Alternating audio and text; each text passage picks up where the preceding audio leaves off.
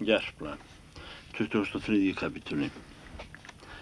Hér segir af um, samtali því er Ólafur Haraldsson á við Þorgir Hávarsson og um, síðar af því er vikingar ráðast á Lundúnaborg og býða ósigur þar fyrir borgarmúknum en konungur engla opnar þeim borgina samt.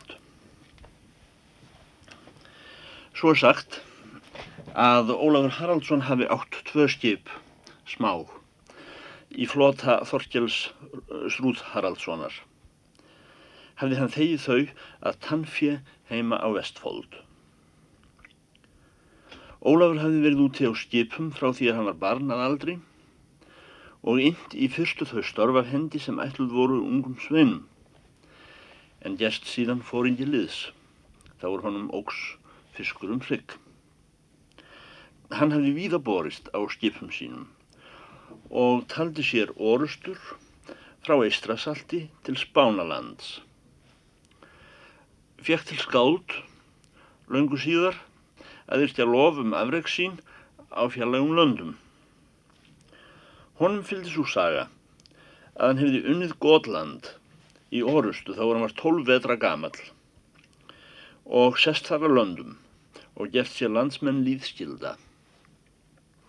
Það er að segja látið að borga sér skatt. Hann hvaðst hafa barist við ógrinni rittaraliðs á kynleima síðu og fengið sigur. Þó var hitt sannast mála að frami hans hefði líkt leið öðrum mönnum í augum uppi allt til þess dags er hann lagði félag við Þorkil Strúð Haraldsson. Þeim vikingum er fámennir fóru við lítinn skipakost. Varð ætórsúttari sigur í hendur landsfólki er byggði strendur norðurhálfu. Því að þeir höfðu eigi abla til að gera strandhögg í þeim stöðum sem fjefon var, því þar voru að jafnaði varnir fyrir. Urðu þeir að hlýta því að herja þar sem engi var landvörn, en svo var hengur á að í slíkum stöðum var og eigi fjö. En ungmenni, svo ófeitt og konur lúnar, að í slíku fólki voru lítil kaup til mannsals og ánöðar. Urðu þeir að láta við sitja að ræna kúm ef nokkrar voru og salta niður í kakka. Þetta er geitfjö og um, þótti vel takast ef þeir öfluðu sér til fæðslu. Þó urðu margir menn óliðfærir á skipum, jafnan af nauði vistafangi og letust margir af skirbjúi. Þeir höfðu okk fátt góður að klæða. En þá er líð Ólafs hins digra kom í félag Þorkjáls hins háfa. Hófst svo tíð að menn hans hlutu saðning sína. Þar voru á lög að hver vikingur skildi halda meg að gripum þess manns er hann náði að fella. En þá er ræntar voru hallir eða kirkjur eða tændar fjárhyllur, borggreifa, riðu höfðingjar hlutskipti. Ef herfang var gnótt, deildu höfðingjar með líðunum vopnum og hlæðum og penningum á síðan. Þegar er Kantaraborg hefði verið herrteikinn. Ég vona mér náttúrulega sé á því að Kantaraborg er um, Canterbury, sá hluti Lundúnaborgar sem svo heitir nú. Þegar að Kantaraborg hafi verið herrteikinn, mátti sjá í flota vikinga flesta menn bera þau klæði er þeir höfðu flett staðarfólkið. Bar þar margur harð úður vikingur, munkakupl, en sumir litsgrúðuga messuhökla, gullsaumaða og höfðu bagal sér að göngu stað. Skrúfhárir og úvinnskeggjaðir vígamenn földuðu sér þar með biskupsmítrum. En báru nokkrir sér á höfði gullhlöð og önnur djást af abbadissum. Þar dróu og höfðingjar gullbauga upp á band og letu hrinja sér við linda. Er eigi komist fleiri fyrir á fingrum þeim. Það var einhvern dag að Ólafur hindigði gekk á meðal liðsins og skinjaði um mátt þess og leitt á klæðimanna og vopn. Þar var í flokkinum einn maður, sá er eigi virtist jafn langvelktur og nöðraktur, flestum þeim lausagangsmönnum og hlaupurum er það skriðu saman. Þessi maður var drengilegur, ásindum og grimlegur í bræði, en klættist þó olpu og bar vopn fátækleg. Ólaður meldi. Þú hefur vond klæði félagi og vopn eigi sigur strángleg. Og kjóstu af mér það er þú vilt. Úlpumadur svarar. Engi stafkarl er meg. Kom ég eigi hér til þess að þykja ölmusu, heldur til að hafa fræð. Hví fjagstu þér þá eigi betri klæði í Kantaraborg, spyr Ólafur Haraldsson. Að þeim sökum, meldi Úlpumadur, að þar var við þá eina menn að eiga er næstir gangu konum um varnarleysi og við köllum papa. Voru þar á margar konur og flestar kviðuðar. En karlar výr voru að atvinnum sínum eða í hernaði. Þykjumst eða líkt af því semdur að fletta klæðum, múka og nunnur, eðlegar óléttar konur og smjúa í född þeirra. Vil heldur bera stakkminn, þann er ekki tók af gilsbónda másinni, þá er ekki vohan á hornströndum og bargst ef í þessum á Írlandi. Ólafur Hindigri spyr hver sá maður var svo hraustlega meldi. Myndi sá maður vera engi aukvísi. Þorgeir heiti Eg og em Hávarsson, íslenskur maður, meldi hann. Og þar þú vilt mér gefa skikku, þá hefur það meld móðin mín og svara bróðin minn, Þormóður Kolbrúnar skáld. Að þær einar gjafar sæmi góðum dreng, er konungur veitir honum eftir verðskild að orustu lokinni. Að berjast í þessum stakki mínum vondum, uns ég hef með vopni mínu unnið til þess kubls, er hraustum manni sé sæmdarauki að bera. En falli eg, vopnbytin, þá er rétt að eg hafa eigi áður stakk meira, nýja betra en þessi er. Vona ég að næst er við höldum bardaga, þá verði þeir kappar fyrir er mín móðir hefur sagt að sé í orustum. Mun þá sínast hver maður býr með mér þrátt fyrir þessi mín vond klæði.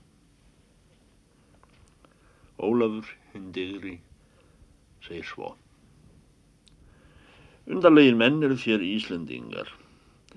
Er þér eruð hallir undir öngvan konung en trúið sjálfum yfir einum og eru sliks fá dæmi á heimsbyðinni. Eða hvern konung mundu þér taka vilja yfir yður ef kostur væri? Þorgir Hávarsson meldi. Svo mjög trúi er yður að það eina munið vinna sem þú býður mér. Þetta er, segir Ólafur, drengilega meld og hefur engi maður hveðið svo að orðið mig áður og mundir þú vist verða góður konungs maður. Býðið þig þykja að mér þetta fingurgull með því að ég vendi af þér meiri hluta en af öðrum mönnum.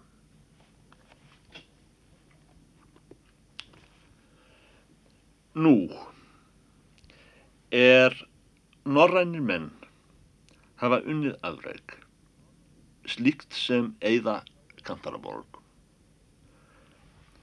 Þá vext þeim í augum sitt ágæti og töldu sér alla leiðir færar á Englandi úr þessu. Þeir hafa nú merkilegar ráðstefnur á Tamesis bökkum. Kemur þar nýður tal fóringjana að nú sé mál til komið að þeir beini aðtikli sinni að Lundunum, framar en áður. En sá var staður öðrum ríkri og fjölmannari á Englandi og svo borg, ensk, er aldrei hefði tekin verið herskildi af úrlendum flokki. Höfðu vikingar spurnir af því að í þeirri borg stóð saman meiri auður en í öðrum borgum. Sáttu þar gildir, öldurmenn, engla, margir og lávarðar, svo auðugir kaupmenn er skip áttu í förum. Þar var okk fjöldi haglegsmanna og handi yðíjanar. Þeirra er gera mönnum ímislegan varning, veðarar, sútarar, gullsmýðir og aðrir íþróttamenn.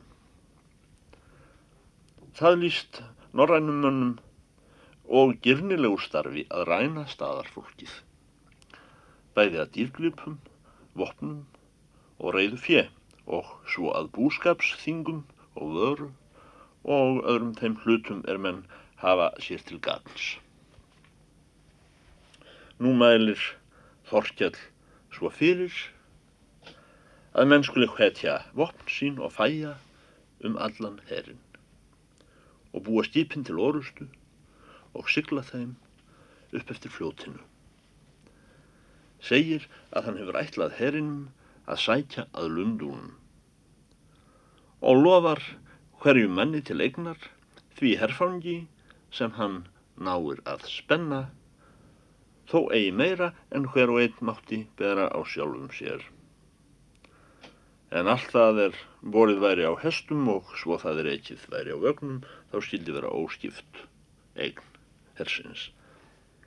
En uh, Þorkjell konungur eiga umráð yfir og um, voru það vikingalög. Nú sigla þeir flotan upp ána og láta ófríðlega, blása í lúðura og grenja og skaka skellum. Þar kom ofan af landinu lið aðalráðs konungs í mótið þeim og um, vill tefja för þeirra. En bæði var að lið brast grimd og staðfesti, svo og trú á sína fóristu menn að veita vikingum þýður nám. Var og engi skipa herr í norður hálfu heims í þann tíð til fær að berjast við norræna sjókonunga. Þá segir og á ennskum bókum að uppi var misklíð og flokkadrættir í liði engla og höfðu fóringjar aðalráðs konungs ærin starfa að þröngva hver öðrum. Vildu nokkrir vera vinir konungs en aðrir svíkja hann í tryggðum og hafa einskir klerkar fyrir satt að þar hafi á marga góðamenn í konungslífi verið borið fjö af norrennunum. En eh, nokkrir gerðust drottin svikar ókeipis og af sjálfstáðum í þeirri von að þá myndi þeim betur vegna og verða landvarnir mjög í skötu líki. En það er af aðalráði konungi að segja. Þá er hann spýr þau tíðindi að vikingaherrin stefnir á lundunir, tekur hann uppsölur meiri en menn vissi dæmi til og leggst fyrir í einu afskektu húsi. Nú verða ímist drefnir liðsmenn aðalráðs eða teknir höndum, utan þeir sem flýja á land upp og fá leinst í skóum eða bondahúsum. Halda vikingar áfram sinni för og leggja skipum sínum þrönd á hljóttinu undir lundunabrytjur um kvöldið og búast til aðlögu að ráðast yfir borgarmúrana þá er byrti. Þar var engi herr fyrir í borginni og eigi utan sjálfur staðarmúrun til varnar.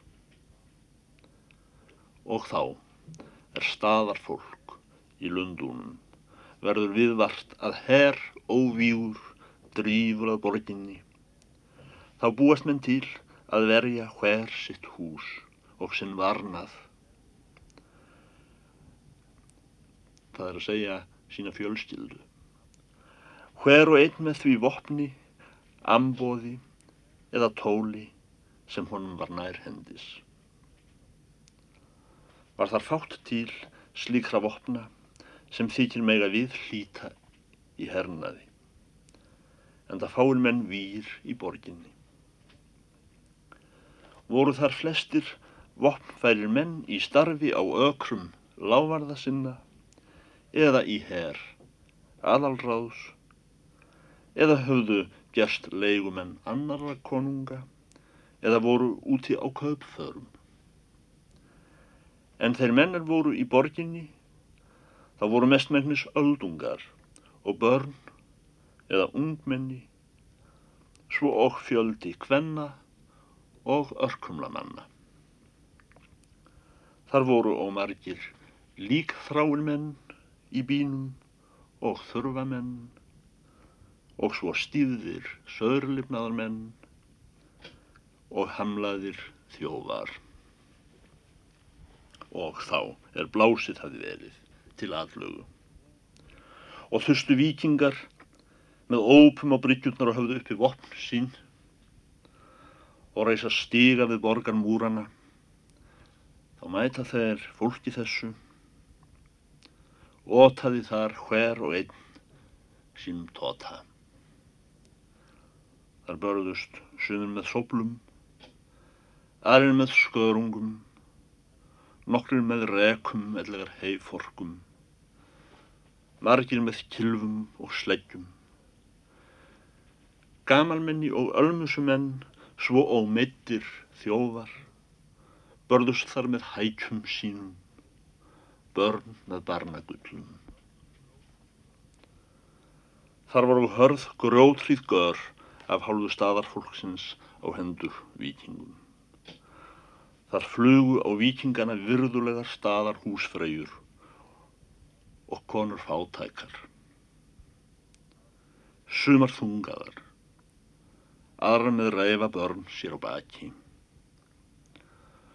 Og þar stóðu hver við hlið annarri óspjallaðar meir og vondar pútur og heldu yfir þá sjóðandi keitu. En aðrir menn stöktu á þá vellandi kjöru eða dældu á þá vatni úr ánni. Þar var kastað lofbröndum út á flótan og komu upp eldar viðsvegar og læstu sig skip úr skipi leið eigi á löngu, áður flotinn stóði björtu báli og sökk þar fjöldi skipa fyrir vikingum. Þá tókst og staðar múginum að brjóta nýður lausar bryggjur allar og stiga þá er vikingar ætluðu sér að hafa til uppgöngu í borgina. En sér hver vikingur sem náði að komast yfir múrin Það var hann umkringdur og þröngdur á múginum og lostinn margskynns ógöðvuglegum bareflum eða lagður tálkuknýfum og borðknýfum, þjælum og ölum, nálum og prjónum og skærum eða er bítinn til bana af borgarmönnum og slítinn sundur kvíkur og gefin hundum. En þá er hér var komið sögu og spyr nú aðalráður konungur þessi tíðindi. Þá segir á ennskum bókum að hann gerist svo hrættur að spíjan stóð först í koki honum líkt og þá er snjóskriða heftist í ofþröngum gilskorningi. Því að lítill er sá ótti sem landstjórnar mönnum býður af erlendum ofuröflismannum hjá því sem að þegnum sínum. Og sem hann fregn að staðarfólk í lundunum brenni og sökvi í óða önn flota hinn norræna en sjóði vikinga í hlandi og briti þá með matknjum. Þykir honum hart. Ef þá speki enskra fornkonunga viturra að norrænir menn sé ósýrandi skuli á einni morgunstundu afsanna mega heimskur múur óvopnaður og fákunnandi til hernaðar. En landvarnar herr engla áður flýður á skóa eða hefur fólkin sig í jötu stöllum. Aðalráður rýs þá úr rekju og er maður hill. Gerir nú í skyndi menn á fund Þorkjáls hens háfa Strúð Haraldssonar með þeim bóðum að hann vil leggja honum stefnu og semja við vikinga. Vikingar bregðast við skjótt og hverfa frá borginni. Róa nú skipum sín móðan ána Þeim er eigi voru brunnin eða sokkinn. Þeir setja aðalráði stefnu í ár ósinnum. Þar var sá sáttmáli göður sem frægur er orðin á bókum engla að aðalráður konungur lofast til að reyða vikingum af hendi fjögur hundruð og áttatígu hundraða sylfurs í gafól eða lausnargjald. En með því að aðalráður var félauðs, þá býður hann að láta opna þeim sér hverjar dýr í Lundun og skuli þeir heita varnarlið borgarinnar og lofar að mæla svo fyrir að þeir skuli mest virðir af landslýðnum og heitast elskaðir allra forgangsmanna. En heimil gögn og gæði staðarins umfram önnur yfirvöld á Englandi. Og með því að þeir Þorkjall voru flestir landlausir menn að eðlisfari þá hugkvæmist þeim eigi að helga sér land og ríki. En higgja á ránskap einn í fríðu eða reyðu fjö. Láta þeir í móti koma bóðum aðalráðs konungs það heit orð af sinni hendi að þeir vilja fyrir vist gerast hans landvarnar menn gegn þegnum hans. Þeim er af ofurkappi ganga í móti frægum hersöðingjum og tygnum sigurvegurum með matknýðum og þörum, sóplum og hækjum ellegar auðsa fræðarmenn geitu.